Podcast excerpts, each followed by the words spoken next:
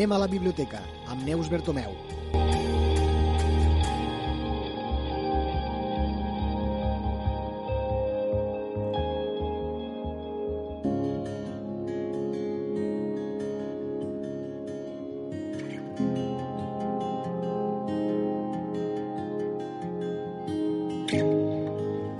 Bon dia, Neus, Bon dia. i benvinguda.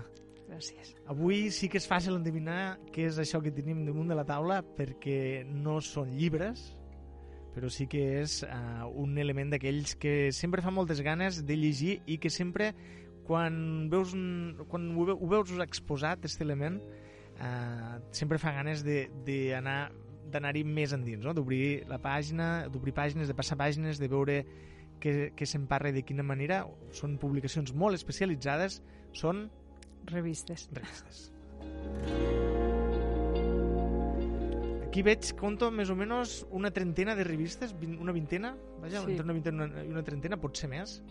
Sí, una mica més. Això què són? Totes les revistes de les quals disposa la biblioteca? No, de fet, a la biblioteca tenim més de 100 subscripcions, mm -hmm. 100 capçaleres subscrites de temes molt diversos, des dels magazins generals, diguéssim, bueno, Mhm. a part de diaris també, magazins generals, i després tenim revistes per a xiquets i xiquetes, per a una miqueta més grandets, diguéssim, Mhm. després per als joves, i revistes per a adults, però de qualsevol temàtica, des de cuina, esport, història, Mhm. viatges, eh, manualitats... Bueno, anirem explicant una miqueta. Clar, allò que identifica les revistes és que totes són temàtiques, o pràcticament totes són temàtiques. Sí, a part dels magazins així Mhm. més generals, eh, molts, la, molt, la majoria de capçaleres adreçades a dones, com la Mia, la Vogue, la Marie Claire... Grans però- clàssics, eh, de la premsa a Sí, l'estat sí, espanyol. de fet que van mantindre's durant la crisi que, que van caure molts Moltes. capçale- moltes capçaleres, algunes s'han recuperat. De fet, la. Mia va estar, va estar a punt a punt. Sí.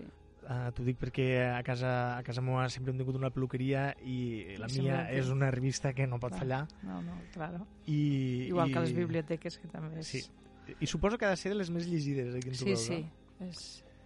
Bueno, sempre porta temes interessants, mm -hmm. és Mhm. relativament curta perquè com que és una edició setmanal Mhm. tampoc no és extensa i bueno, tracten temes molt diversos i bueno, la, un del, una de les característiques de les revistes que jo considero que és molt interessant és que sempre van a l'avantguarda de tota classe de tendències. Sí, sí, I sí. no em parlo només de moda o maquillatge, sinó que parlo de tendències socials, de tendències de, Gastronòmiques? gastronòmiques, d'edicions, tot el que és més avantguardista és el que surt a les revistes. El llibre sempre és una edició, o sigui, l'edició del llibre sempre és una mica més lenta i, i és, Mhm. o sigui, des de que arriba o comença a parlar-se d'una tendència fins que surt un llibre, doncs passen uns quants mesos, però entremig has tingut moltes revistes que n'han parlat, no?, d'aquella Sí. tendència. La- Està actualitzat, diguéssim, és, per estar actualitzat són molt interessants. Sí, tot i que sempre tenen unes seccions, moltes, i ara penso en la mia, justament, si ets un lector o una lectora habituat en aquesta revista, jo, per exemple, te podria dir que fa més de 20 anys i més de 25 anys que regularment, ara no tant, eh, veig quins continguts porta, Mm. i sí que moltes coses són de moda i d'actualitat. Me'n recordo quan va haver-hi aquella febre amb la sèrie V, a Televisió Sí. Espanyola, le, totes les revistes parlaven d'aparicions extraterrestres, no sé on, no sé què, hi havia com una moda. I, I molts dels continguts, jo crec que es van repetint, alguns. Alguns al llarg de, clar, te parlo de molts anys, Sí, eh? sí. De cop sempre hi ha un tema que torna i dius, ostres, això vaig llegir fa temps. Això pot ser actualitzat, òbviament, però al marge d'aquest percentatge, que potser és un 1%, si ets lector lo detectes, la resta sí, és completament actualitat. Ara les receptes també es veu molt. Els productes Sí. que fan servir per les receptes no té res a veure amb les receptes que feien fa 20 anys. Sí, sí, sí, perquè això, vull dir, lo, tot el que és gastronomia hi ha una revolució, no? Els mitjans de comunicació també s'hi han sumat en els programes Sí. estos de televisió Sí, que sí, sí. donen molta empenta i bueno, hi ha més interès per part de, de una gran part de la societat en, Mm. en descobrir nous sabors, en aplicar noves tècniques, no encara per una millora del una millora del de l'alimentació en si, sinó més aviat com a com a opció, diguéssim, d'això, d'aquesta globalització que ens afecta i que Mhm. sentim parlar, no? Fa 20 anys bueno, probablement no haguéssim parlat del sushi o potser en aquell Exacte. moment se'n començava a parlar i ara pues, qui més qui menys l'ha tastat li agradarà més o menys o menjarà habitualment, però vull dir que això són coses que... Productes que abans no hi eren a les nostres revistes i que ara hi són sempre, l'albocat, Sí, eh, los anacards i tindria el sushi també, quinoa, quinoa, la cereals, cale... les algues Les algues, sí, sí. uh, i el gran boom per mi que va ser un abans i un després és la soja. La soja, quan va aparèixer la soja, aquestes revistes cada, cada setmana tenien la meitat de les pàgines dedicades a algo de la soja, que anava bé per a, per a tot, semblava un producte d'estos miraculós, Sí, que després s'ha demostrat que potser no ho és tant. no tant, i a més com que està genèticament modificada la, lo, quasi pràcticament tota la que es consumeix pues, també aporta, porta, té uns problemes afegits, no? En fi, ja hem parlat Però de... sí. Ja hem fet la introducció. Pues sí. Quines capçaleres mos has portat per a que coneguem? Neus? Bueno, algunes de les que he portat pues, són les específiques, diguéssim, les genèriques pràcticament no n'he portat cap. Tenim aquí, per exemple, una revista que és en català, que és l'Esguard, normalment és monogràfic, Sí. i aquí no és una revista mensual, és una revista eh, trimestral, sembla, i este número, per exemple, parla de la televisió, de la història, però també del futur de la televisió, i bueno, un, un monogràfic molt complet, Mhm. perquè fa entrevistes a personatges molt coneguts del món televisiu. Fotografies a color, la, Sí. la revista és tot a color, és una d'aquelles revistes bones, de qualitat bona. Sí, sí, realment és lo de contingut molt destacable i, a més, penso que precisament perquè és monogràfic, normalment algú que li interessa lo, Mhm. la temàtica esta, pues, és, un llibre, és com un llibre realment molt actual, perquè realment el contingut està molt actualitzat, i, i ja està bé, no? Vull dir, potser algú se comprarà un número monogràfic de l'Esguard perquè aquell tema que porta en aquell mes Li pues, interessa. li interessa. Dir, una bona revista. Una en bona revista. En català, a més. Mm. També tenim aquí la de Compartir, que és la, una revista sobre cooperativisme, però sobretot mm, sanitari, diguéssim, bueno, mutu, Mhm. no mútues, però parla una miqueta de tot. Diferents opcions, no? Sí. I també tendències socials, Mhm. necessita, quines necessitats se, se detecten i així. També una revista en català de la Fundació Espriu i que parla sobretot de cooperativisme de salut. Això és molt interessant, eh? perquè, com tu dius, les revistes van a l'avançada Uh -huh. i es parlen de molts temes que... Moltes revistes tracten temes que se senten eh, de lluny, però que acaben arribant. Uh -huh. I en aquest cas, aquesta revista sembla que apunta també en aquesta direcció, no? Sí, sí, una altra. Després aquí tenim la revista Opcions, que és, Uh -huh. seria per a consumidor, revista sobre consum i compres i, bueno, i consum conscient, que diuen, no? Una miqueta posant en valor això, que han de ser menys mercantilistes, que hem de pensar més en lo, en lo que suposa per a la, el futur les compres, estes, les, el volum de compres que fem, lo, la quantitat de productes que llencem, no? tota aquesta mm. insostenibilitat que estem provocant a través dels nostres costums de consum no? i opcions, a part de, de fer comparatives i així també optar pel consum més, de, més conscient, més, més responsable, diguéssim. Com ha de ser. Com, Com ha de és ser. això. Dos revistes, les, aquestes dues últimes, que tracten de temes eh, bastant socials, eh? Sí, sí. Després tenim la, la Argo, que és la revista del Museu Marítim de Mhm. Barcelona, però de fet parla de temes marítims i parla d'història de, per exemple, aquí en este número parla de l'ull de bou, que és una de les un de les arts, diguéssim, de pesca, però parla de moltes coses diferents, totes relacionades en el món del, de la mar, ports i, i actualitat, però bàsicament de Catalunya, que és la que... N'hem parlat alguna vegada amb Josep Pitarc d'aquesta revista. És una molt bona publicació, fa Mm. molt bona feina al Museu Marítim de Barcelona. Sí, de fet hi ha articles de fons molt interessants i bueno, una altra de les opcions de lectura que podeu trobar a la biblioteca.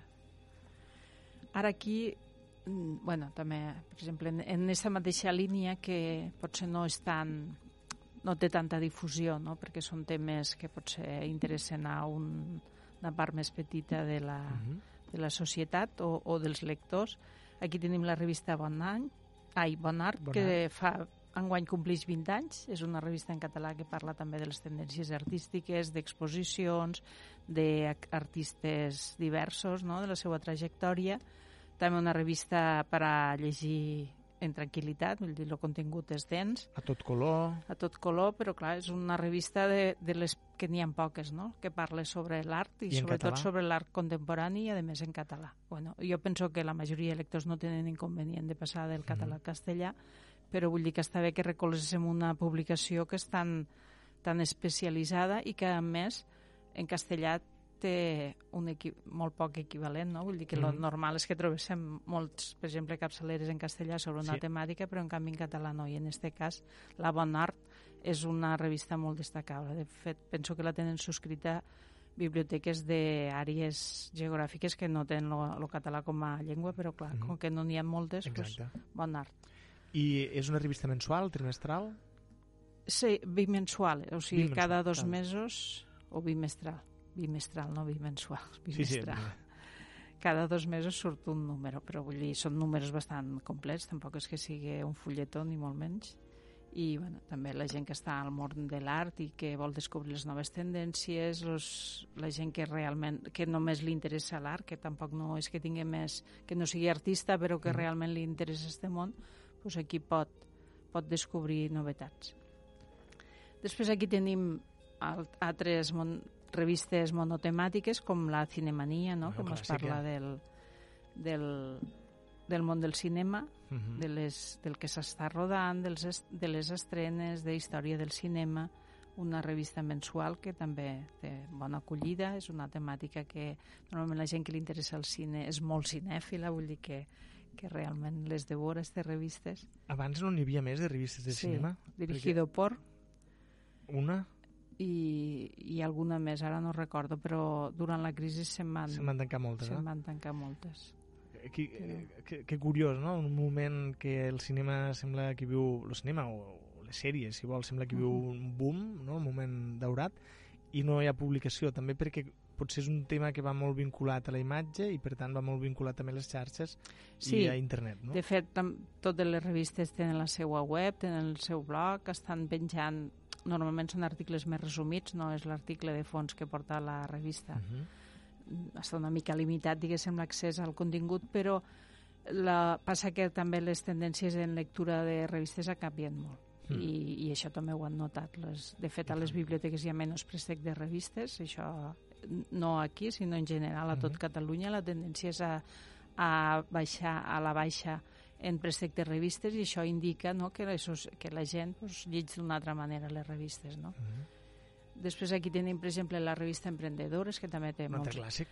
té molts anys d'història i que surt cada mes i, i explica, doncs, parla des de franquícia, possibles franquícies, també tendències de mercat, tendències en, en comerç, perquè també hi ha un, comerços que són una mica a la moda, no? I quan passa la moda doncs han de tancar i, i, i si aquelles altre. persones, aquells comerciants volen continuar en este món doncs s'han de reinventar i, i l'emprendedors pues, és una bona manera no, de, no només de comerç ni d'empreses en general no?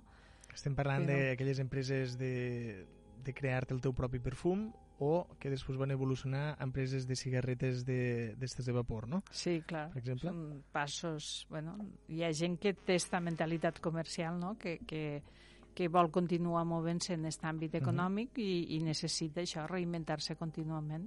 Si tens sort i l'encertes i no és una moda passatgera, doncs probablement arribaràs lluny i si no, doncs això, t'has de reinventar Mm. i tornar a fer. Però bueno, una revista molt interessant. Sí, sempre. molt, perquè a més a més fan un retrat diferent del que estem acostumat. Ens fem la idea de, de en quin moment vivim potser a través de les notícies, dels mitjans Sí. o dels diaris, però en canvi, eh, quan tens una revista que toca l'economia d'un altre punt de vista, ostres, te ho fa veure en uns altres ulls, també, Sí, eh? claro, no és la macroeconomia, sinó és l'economia del dia a dia, no? la que Mhm. mos és més propera, les tendències comercials i això, i també informa sobre el, això, no? cap a on anem. No? O si- O si, com dius tu, per exemple, en la mia, no? si tu vas seguint l'emprendedores, vas veient quines tendències hi ha. Encara que la Exacte. revista no te ho expliqui, però implícitament no, tu pots reconèixer aquelles I tendències. tant. I si tens visió de futur, Això doncs més igual difícil. encertes, no? Però està bé. una altra revista, bueno, dos revistes, però de fet és una tendència que és lo del do it yourself, no? Home, lo, lo fer tu a mà, que ja fa uns anys que s'ha estat recuperant. També està bé perquè és una manera de, de que siguéssim més conscients del que costen les coses i de no, o sigui, no malbaratar recursos, sinó que hi ha coses que molt les podem fer nosaltres, no? I està bé, de fet l'agenda 2030, no? que un dels objectius és la sostenibilitat. De fet, és un dels objectius i, de fet, si no som conscients de que és un dels més importants, probablement mos carregarem la terra abans de, de morir-nos, no? Abans d'hora. I, bueno, aquí hi han dos revistes, que és la Patchwork en casa i, o la Molly Makes. Eh, totes són, bueno, la de Patchwork és Patchwork, després n'hi tenim que només és de punt de ganxet o punt de creu, després està la Labores, que és una mica, bueno, porta temes clàssic. diversos, i la Molly Makes o la Susana, per exemple, que són revistes que també porten porten la, l, bueno, labors o coses per a fer a mà, però de molt diverses classes, des de, de, des de punt de mitja, punt de ganxet, des de bordats, però després també elaboració de, com ara aquí, per exemple, que es veuen dos ninetes no? a la portada, Mhm. doncs, una diversitat no? de, Tot això que també va tindre un boom, ara no fa massa, Sí. el boom del retorn al patchwork, al ganxet, a, a, a fer calça, no? Sí, sí. Les llanes s'han tornat a vendre... De fet, mm, jo penso que és una... O sigui, que l'acceptació que va tindre este renaixement és, se deu sobretot a que tothom hauríem de cultivar una vessant creativa Sí, que ens ajuda a estar més bé emocionalment, no? Mhm. I llavors un dibuixarà, l'altre escriurà poemes, no? I, i altres persones pues, fan això, una labor, fan una mitja o el que sigui, no? I penso que també és això, no? Que per això ha tingut bona acollida en aquest Mhm. moment, no? Perquè tothom necessitem desconnectar del dia a dia i aquest tipus de coses ajuden. i tant. Després aquí tenim la revista La Estris, que és una revista bueno, adreçada a, a, a formadors en el lleure o a monitors, Ahà. o, no? una mica així, però també en una vessant molt social, molt cívica, no? No és una revista de, dels Boy Scouts, però bueno, aniríem en esta línia, no? perquè hi ha moltes fundacions aquí a Catalunya que es dediquen al món del lleure, com la Tarrés, la Pere Tarrés, però vull dir que Mhm. està bé, no?, que, que tinguen alguna eina, algun material que puguen consultar de tant en tant los... També una mica per veure què fan els altres, una Sí. mica com, com quines tendències hi ha en aquest àmbit a nivell mundial, potser, que segurament també parlarà Sí. un article. Sí, perquè realment a les xarxes sí que hi ha temàtica, però no és tant... En altres temes, com per exemple lo de les manualitats, trobarem Mhm. 100.000 coses, no? però en canvi en, en el món del lleure i així pues, no hi ha tanta cosa i, i esta és una eina que recolza, diguéssim, la informació que poguéssim trobar a la xarxa. Uh -huh. Després aquí tenim esta d'Entre Estudiantes, que també és una revista molt interessant. Fa també uns bastants anys que va, ara ja la fan cada dos mesos, era una mensual, parlen de diferents titulacions, de diferents graus, tant de formació professional com universitaris, els llocs on los pots fer aquí eh, dins del territori espanyol, la, bueno, des d'on pots, o sigui, quin, quin itinerari has de recórrer per arribar a poder fer aquesta titulació, les, les sortides laborals, la, el tant per cent de col·locació després d'acabar la carrera i tot això. Un, una revista molt interessant, jo penso que és una llàstima que es consulte relativament poc, Ah. perquè Jo no la coneixia, aquesta, mira. pues, fa, no és nova ni molt menys i sempre ha portat temes molt interessants. Molt bé, eh? també perquè a vegades els estudiants és un col·lectiu que, bueno, cada vegada més, però fins fa poc no sabia on anar a buscar Claro. exactament la informació, sinó és que hi havia alguna jornada dedicada. Claro. I, I- la mica d'orientació que els fan als mateixos centres, però a vegades no és suficient, no? I aquí Sí. realment, si vas mirant, lo, les, per exemple, les titulacions, els graus universitaris que, que expliquen, te'n dones compte de que hi ha coses que tu ni et sonaven, no? Que no, Mhm. que no sabies que hi havia una enginyeria, per exemple, concreta d'aquella classe, no? O a vegades també comparen eh, títol, o sigui, titulacions de diferents universitats, perquè clar, no totes tenen el mateix contingut curricular i a lo millor tu t'interessa aquella temàtica, però t'interessaria més de cantar-te cap a Uh -huh. i el fet de saber que a una facultat de Barcelona ho fan així, però el programa de Girona és un altre, doncs igual t'interessa més anar a Girona. Igual te fa triar, sí, sí. No? Vull dir que també, També- és una bona manera de descobrir això, aquestes petites variacions. També una revista útil per pares i mares, Sí. imagino. Per, a vegades mm, suposo que des de casa també es vol tindre més informació per poder Sí, perquè de fet ells i... encara se van informant a la mateixa, al Mhm. mateix centre, no? però els pares estem molt més desconnectats, no? més allunyats d'aquest moment vital i per tant igual no sabem el que hi ha. En, línia, en esta línia d'ensenyaments i així tenim, per exemple, la Guix d'Infantil, que també és una revista que fa molts anys que es publica, és una revista adreçada a mestres només d'infantil, però després també tenim la Graó, que és per a, bueno, per a primària, i bueno, són revistes que, que també es podrien consultar més. Sí, són... eh, Mira, jo tampoc la coneixia, esta, la Guix. La guix d'infantil, bueno, aquesta és la guix d'infantil, està la guix, diguéssim, que és genèrica d'educació primària i després està grau, vull dir, que és de la grau mateix, de fet són com a diferents, però després està de la Rosa Sense també n'hi ha una altra, vull dir que aquí, es- aquí a Catalunya sempre hi ha hagut molt d'interès no? per, les per la pedagogia des de fa molts anys i, i això es nota en les capçaleres que hi han dedicades a, Sí, sí, sí, sí. als mestres. Aquí tenim esta, que és l'Ofaristol, que també és un clàssic del CLICCAT, que és el Consell Català per al Llibre Infantil i Juvenil, i també, bueno, sobretot parla de les novetats editorials, però després hi ha dossiers de, o en- entrevistes, no surt cada mes, però també és una eina interessant per a les persones que tenen xiquets i xiquetes a, a prop d'ells no? i que volen que lligen nosaltres a la biblioteca evidentment també ens interessa és una de les lectures obligatòries que tenim quan s'han de fer compres no? i així és un dels de les capçaleres que hem de consultar necessàriament. Neus, en el món de les revistes passa igual que en el món de les publicacions més, mm, diguéssim, dels llibres? És a dir, i to- totes les petites editorials que publicaven capçaleres, editorials de revistes, han anat absorbint-se per grans empreses? O és més encara el mercat és més independent?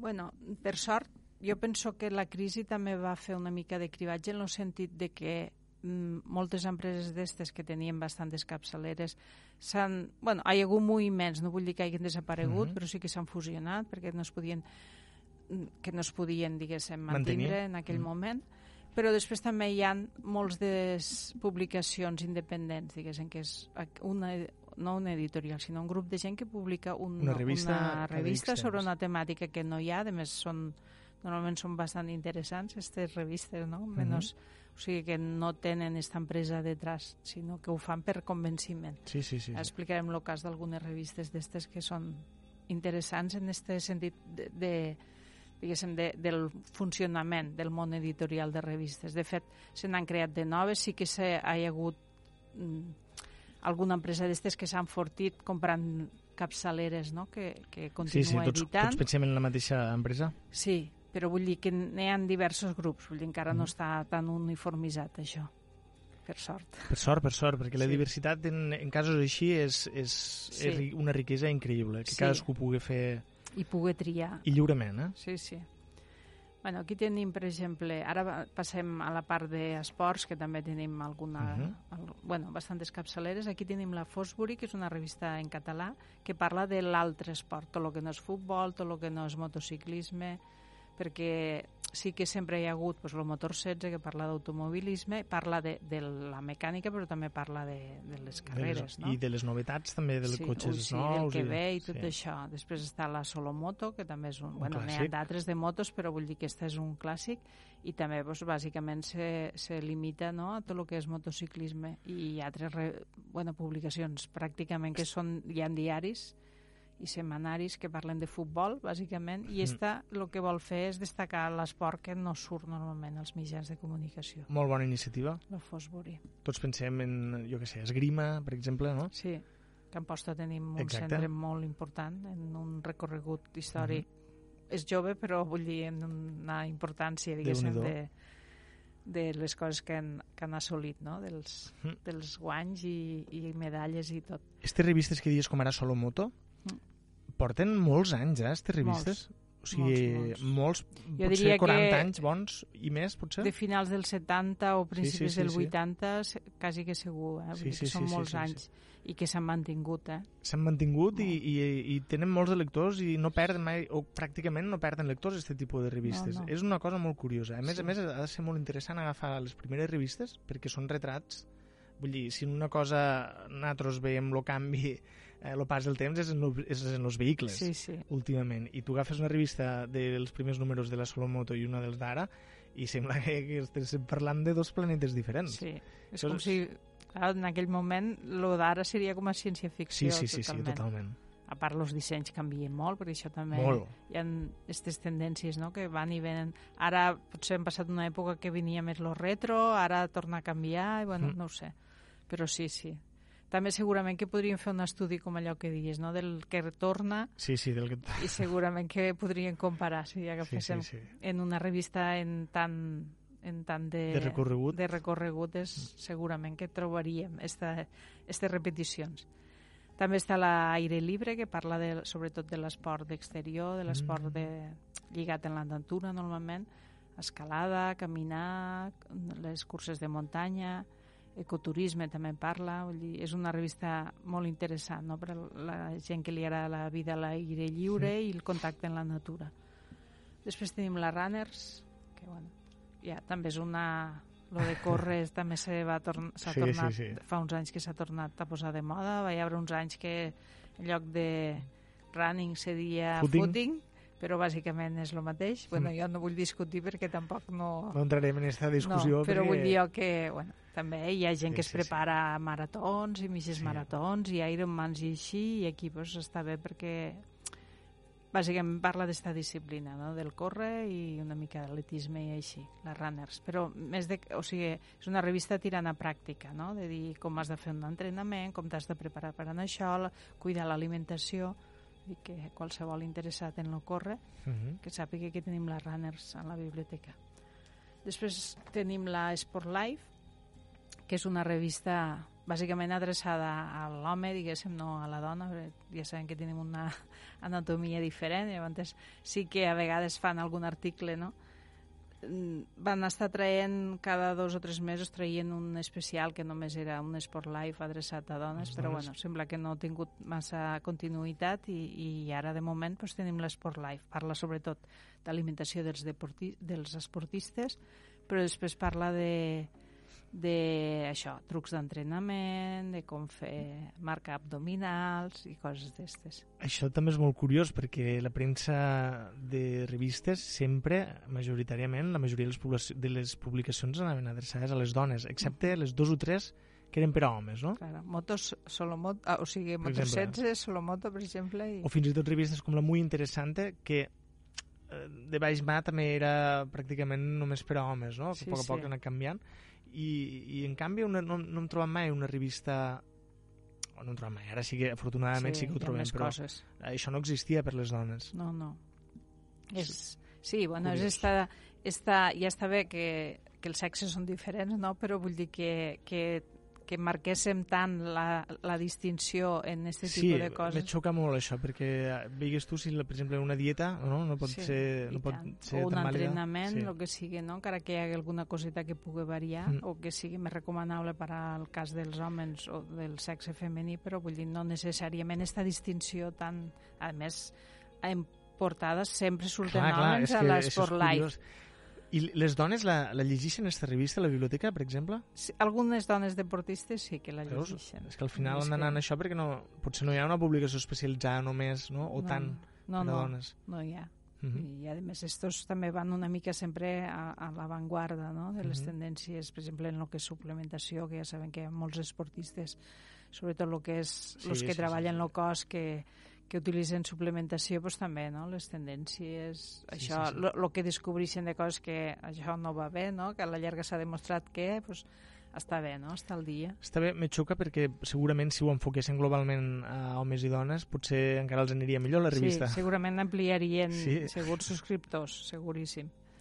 Després tenim la Men's Health, Que, un clàssic, també. Un clàssic, també. És un magazín genèric, parla de moltes coses, però bueno, dona, enfoca directament en el que mm. és la, la salut dels homes, els bons costums alimentaris, d'exercici, fa molt d'incís en el que és fer esport, però bueno, això ja sabem que també mos ho diuen les metges, no?, com de fer esport, i està bé, dir, és una revista que també porta temes interessants i, bueno... Són revistes que tracten poc l'actualitat, sinó que van directe a barraca, no? Sí, que... sí les coses que interessen normalment el, el tipus de persones que porten en portada. Sí, no? sí, que també sempre són homes, sí, també. Sí, I, sí. I, a més, normalment no porten roba a la part de dalt del cos, també. Que és una cosa important per a la salut, segons aquesta revista, eh? no portar roba. Sí, bueno, al final faria, si no llegiques el contingut, faries una interpretació, no? Podries sí. fer una interpretació molt, sí, sí. molt en esta línia. Bueno, aquí tenim revistes dos, però n'hi ha d'altres sobre, mm. sobre novetats en tot el que és, no dic com ordenadors, perquè això ja està superat, ordenadors, mòbils i altres gadgets de tota classe. No? Tecnologies. Tecnologies noves, fa comparatives, te marca el que ve, o sigui, el que vindrà, sobretot, i després està la Playmania i bueno, també tenim la Hobby Consoles que parla del món dels videojocs que ja sabem que és un món en creixement continu que, que factura molts de milions i milions cada any a tot arreu. Sí. i que bueno, és un gran negoci. Que no mos ho pensàvem eh, fa, fa uns quants anys. Els sí, que, que compràvem la Hobby Consoles al principi jo em penso que tinc un número 2 a casa del Hobby Consoles eh, no t'imaginaves que pogués arribar a un punt que hi hagués tanta premsa, i ara també s'ha reduït, però sí. va haver un moment que cada consola pràcticament tenia sí, la seva premsa. Sí, sí, sí. Nosaltres tenim la Play Mania perquè bueno, va diversificar una miqueta, estava basada, uh mhm. -huh. o sigui, bàsicament parlava de la PlayStation, però ara se van deixar lo de la Play, però bueno, Play parla d'algunes altres Clar. coses, perquè Play és jugar, no? i per tant i la hobby consoles perquè també en, encabia tota uh -huh. tot la diversitat de consoles però ja sabem que cada any trauen algun model sí, nou, sí, que si sí, un sí. més petit, que si un més gran, que si un que fa això vull dir, és un món que no te l'acabes perquè... Abans hi havia la Superjuegos, que també la teníeu a la biblioteca sí i també, no sé, la Nintendo, com se diria aquella, la Nintendo Acción, se diria, potser? Sí, no ho sé. Que també un clàssic. arribat a tindre mm. bastantes mm. abans de la crisi que hi havia més publicacions, mm -hmm. hi havia, però bueno, que això, la gent que es mou en este món i que li interessa estar al dia de les tendències, pues, sàpiga que hi ha, bueno, aquestes dos i alguna més a la biblioteca. Mm -hmm.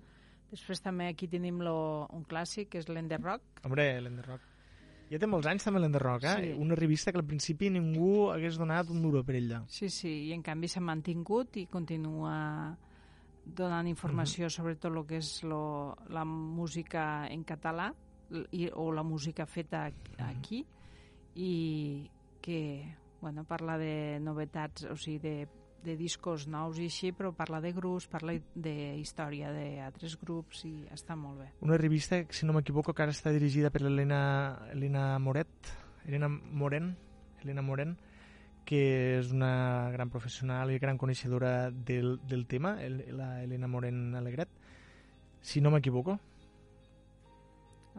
Periodista sí, musical i coordinadora de projectes. Que... Sí Sí, sí. Uh, I vaja, que compten un equip de gent que coneixen tot el que passa musicalment sí, sí. Uh, per tot Catalunya i que és molt interessant si no en tens prou amb els Amics de les Arts i els Manel i jo que sé, i les roba estesa i vols ampliar una mica més, a l'Enderrock pots trobar sí. tot, tot el que es fa. En alguna noticieta menudeta, fins i tot jo he sortit a l'Enderrock, imagina't. pues sí, sí, no, no, realment recull tota classe de, de grups i d'activitats que es fan al voltant de la música, vull dir, molt interessant, molt, aprofundix molt. Mm. Vull dir que si t'agrada el món este és una bona manera d'aprofundir al màxim en el coneixement de la realitat catalana. Aquí també tenim esta que es diu Mi Vino, que bueno, és una revista que mm. ha canviat de títol, abans era Vinum, i també ja sabem que el vi també s'ha revaloritzat molt, no? Mm -hmm. Quan s'ha sabut fer molt bé tota la gent vinculada al món del vi. De fet, al, al nivell de Catalunya, la, el servei de biblioteques va engegar fa uns anys lo, lo, una línia de treball que és Biblioteques amb DO, Ah, sí, home, i i es fan activitats relacionades, que relacionen el vi en la literatura a biblioteques d'arreu del territori, biblioteques que estan dins d'un d'un àmbit geogràfic on què hi ha vi. Uh -huh. Per exemple, aquí tenim a Gandesa. Gandesa, però Mora la Nova també està dins del DEO, Uh -huh. i, i bueno, a, a Lleida ahir es va fer una presentació de les DO, de, o sigui, de les biblioteques que estan dins de, Costes del Segre. de Costes del Segre, diguéssim, i, que, i les activitats que fan vinculades, diguéssim, en aquesta línia de treball. Però, bueno, això parlant, ho, diem, ho comentem perquè, això, perquè el vi està de moda, ja fa temps, i hi ha en revistes especialitzades sí que al cap de l'any s'hi publica sempre una guia dels millors vins Sí. d'aquella d'aquella anyada, però la, per estar al dia, diguéssim, de tota classe d'activitats, de turisme enològic també, doncs teniu la revista Mi Vino a la biblioteca, que també és una revista mensual. Més coses. Aquí tenim la, una revista que es va perdre durant la crisi, però ara l'han recuperat, la Hombre. fan cada dos mesos publiquen la revista Mi Jardín, que també per a la gent que li interessa este món és una revista molt interessant, eh, a part de fer reportatges sobre normalment un jardí petit i un de gran, després pues, fan les feines de la temporada, no? També, a més, distingueixen entre el clima mediterrani o atlàntic, perquè, Mhm. evidentment, És diferent. no, la climatologia varia i per tant a l'hora de fer segons quines feines doncs, segons a quin clima t'has d'esperar més i aquí per exemple ara mateix bueno, gràcies al, al febre que hem tingut tan bo doncs que, que està florint, gràcies o no, perquè també a vegades és una desgràcia, estan florint plantes que, que haurien de florir a l'abril, no? I ara ja tenen flor i, oberta. La mimosa. Vaig veure una mimosa l'altre dia florida més no pogué. Sí, sí. Jo tinc un roser a casa que floreix normalment a l'abril, fa un gran esclat de roses i ara ja ja, Ja està. tenia, ja em vaig donar compte que tenia preparació, però és que ara ja estan obertes les roses, vull dir que a l'abril ja Sí, no sí, sí. esperarem res perquè ja no sortirà res. Però bueno, la Mi Jardín està bé, parla també de plantes aromàtiques, de la sembra, de, Mm. de la poda, de quines plantes s'adapten millor segons quines zones del jardí. Una revista molt interessant, també. És, és, in, és inabastable tota aquesta informació quan ho penses, però una persona no pot ser que t'agradi tot, perquè si t'agrada tot no pots Sí, no tens temps. dependre, eh? És que hi ha tanta informació. Sí, i, sí. Uf, Això també és un problema. sí, sí fet, la- perquè, hosti, vas passant Dilluns pàgines. ne parlava sí. en un pare i deia jo el problema, que té un fill ja adult, però diu jo el problema que tenia meu fill és que tot li agradava i tot li anava bé i, i no s'acabava de decidir per cap estudi, Clar. no? I anava així com a... I en les revistes mos passaria, si t'interessen És que- diversos temes no, no tens prou temps. I és que encara que no t'interessen, tu agafes Mi Jardín i tu no t'agrada això i comences a llegir i comences a trobar coses interessants, i comences a Ah. veure imatges que dius, ostres, a veure això com ho he fet, comences a saber... I, i mira, és que les revistes, t'ho juro, eh, són addictives. Sí, sí. Pues bueno, a veure si engresquem una miqueta, A veure, no? a veure. I, i traiem més profit de la secció de, de revistes de la biblioteca. A més, tenim allà uns sillons que et pots estar tranquil·lament, que és una zona molt bonica de la biblioteca. Després aquí també tenim la cocina vegetariana, que també fa uns anys ara que la tenim subscrita. És un, bueno, una... Una revista que no menteix, és cuina vegetariana. Sí, sí. De fet, ja eh, distingueix entre revistes vegetarianes i veganes. Ja sabem que ja no tothom fa el mateix tipus d'alimentació encara que no menja Carn? carn i que bueno, porta podem descobrir molts sabors. Jo he fet alguna, no sóc vegetariana, però he fet alguna recepta de les que hi ha, perquè, bueno, per curiositat, no? sempre Mhm. és bo. Sabem que és sa, que és probablement molt més sostenible per al planeta que no la- l'alimentació variada i que qui vulgui estar al dia d'això de tendències perquè tenim molts de llibres de receptes i que són vegetarianes també, però clar, a vegades descobrim un aliment nou, no? el que parlàvem de les revistes, i la revista esta, pues, segurament que ja trobarem alguna recepta que te'n parla de les qualitats, de com Sí, s'ha sí, de sí, sí. cuinar, de en, quins, en quines receptes se pot utilitzar, i ja està molt bé. Cocina vegetariana. Apuntada queda. Després també tenim aquí esta que es diu la fertilitat de la tierra, Mm.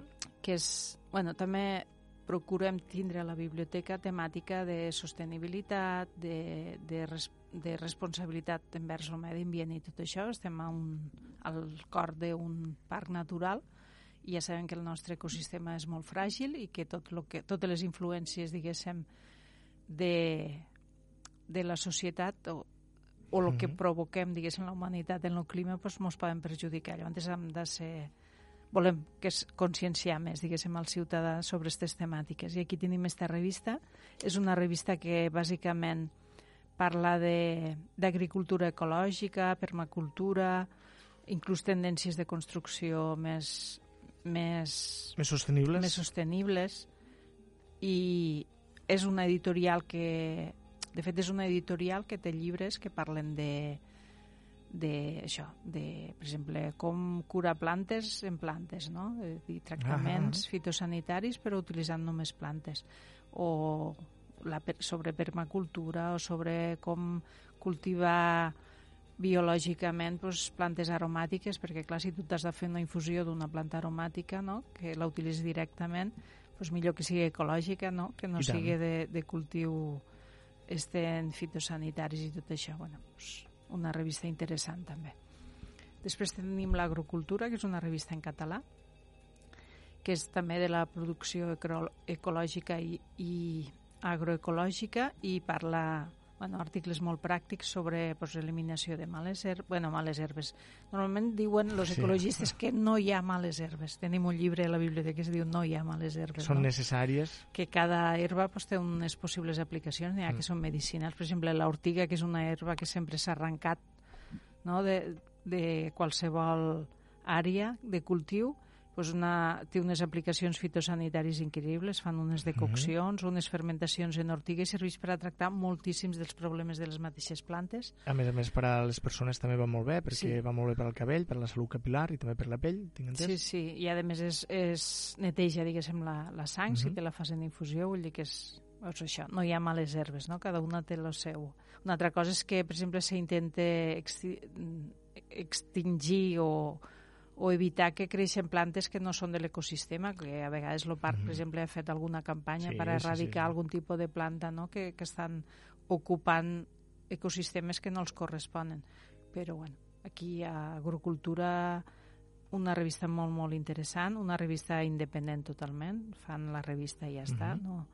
i parlen, per exemple, en aquest cas del lleixiu i sabó potàssic fets a casa, que això és un, és un dels tractaments estrella de la, de l'agricultura ecològica, no? l'ús del sabó potàssic, que bueno, aquí sempre s'ha fet sabó a casa, o se n'havia fet feia, durant molts anys. Molt. En sosa... Sí, el que passa que normalment la sosa és per a un sabó dur i en canvi per a la, el sabó potàssic es feia a través de lleixiu de, de cendres, que jo encara me'n recordo que posaven un, un, no, un, no un rivell, sinó un recipient gran en aigua i abocaven les cendres mm. del que havien cremat fos el que fos, no? Fos el que fos. I al cap de dos o tres dies allò s'havia convertit en lleixiu, allí es blanquien la roba, però este lleixiu concentrat també serveix per a fer el sabó potàsic, que és mm -hmm. aquell sabó moll que diem nosaltres, no?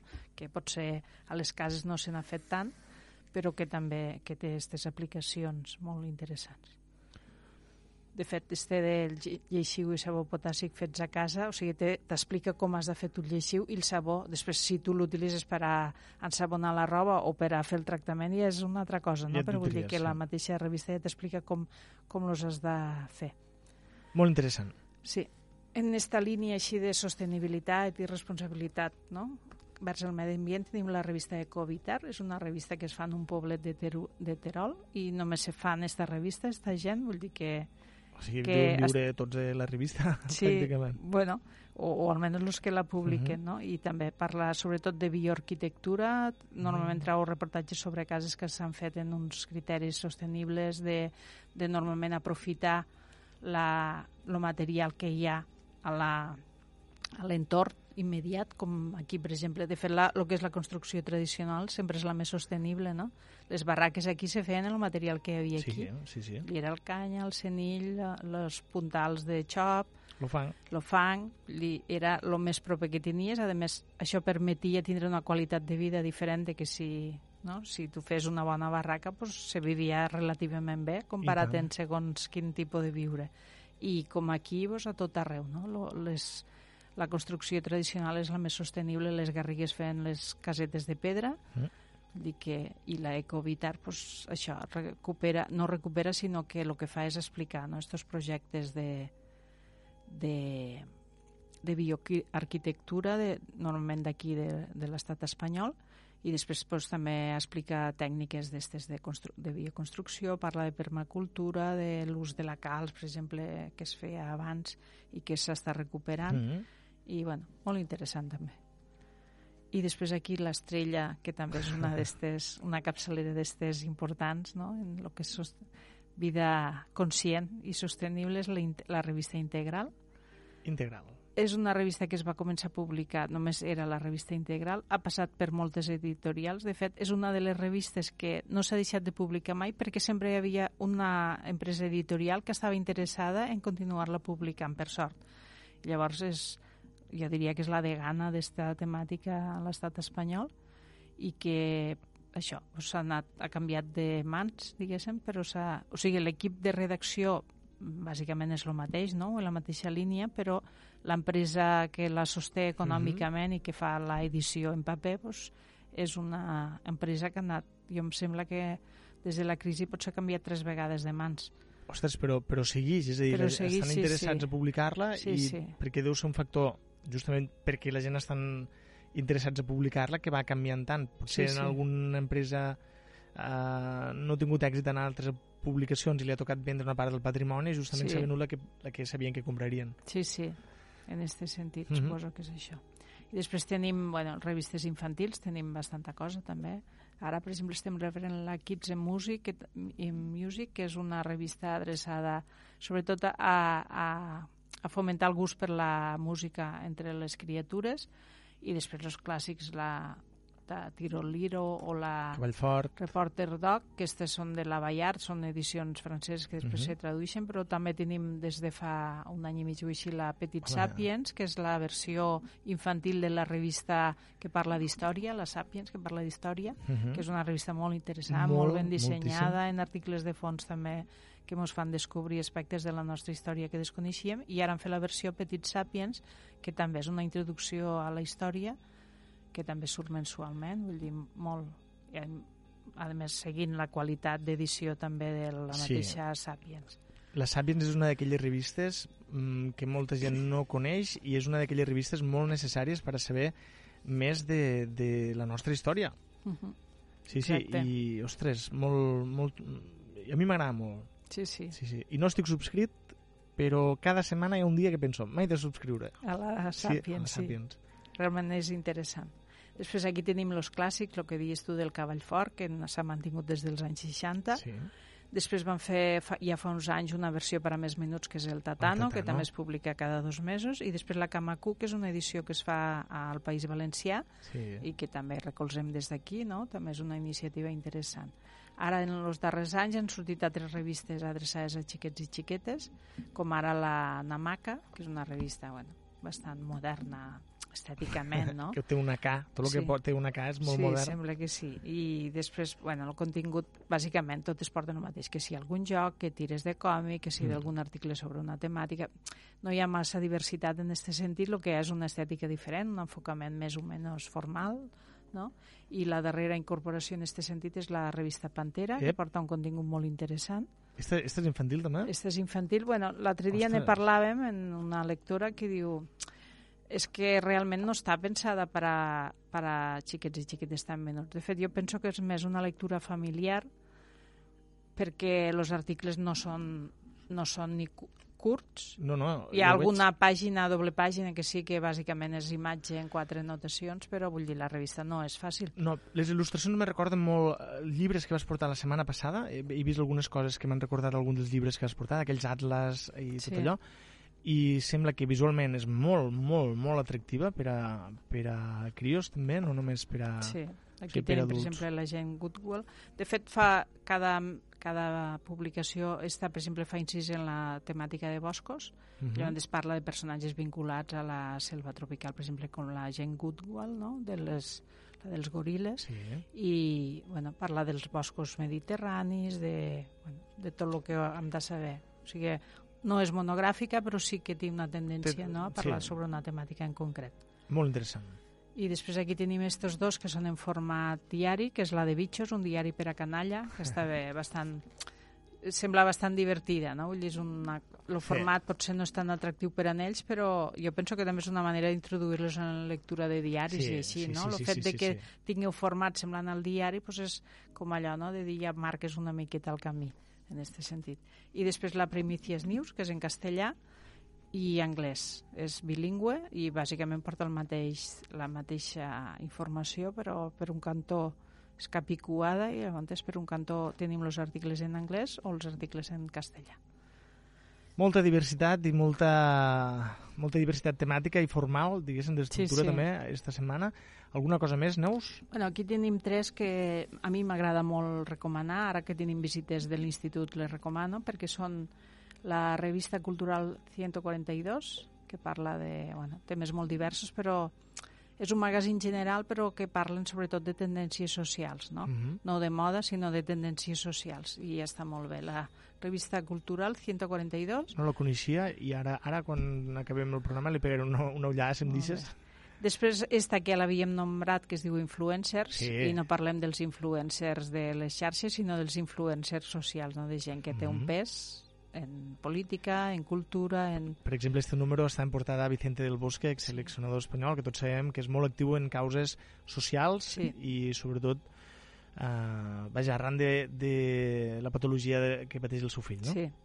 I, bueno, està bé un referent, no?, Sí. en aquest sentit. De fet, són sempre referents, no?, en algun àmbit de la, de la societat. I després la Jot Down, que també és Contemporary Culture, Culture Mac, no? magazín dedicat a la cultura contemporània, que este també, vull dir, marca futur, no?, línies futures, no?, de, que destacaran. És una publicació que els últims anys s'ha s'ha guanyat un lloc Sí. a la llista de publicacions més llegides i més buscades, eh? perquè els articles són bastant rigorosos Uh -huh.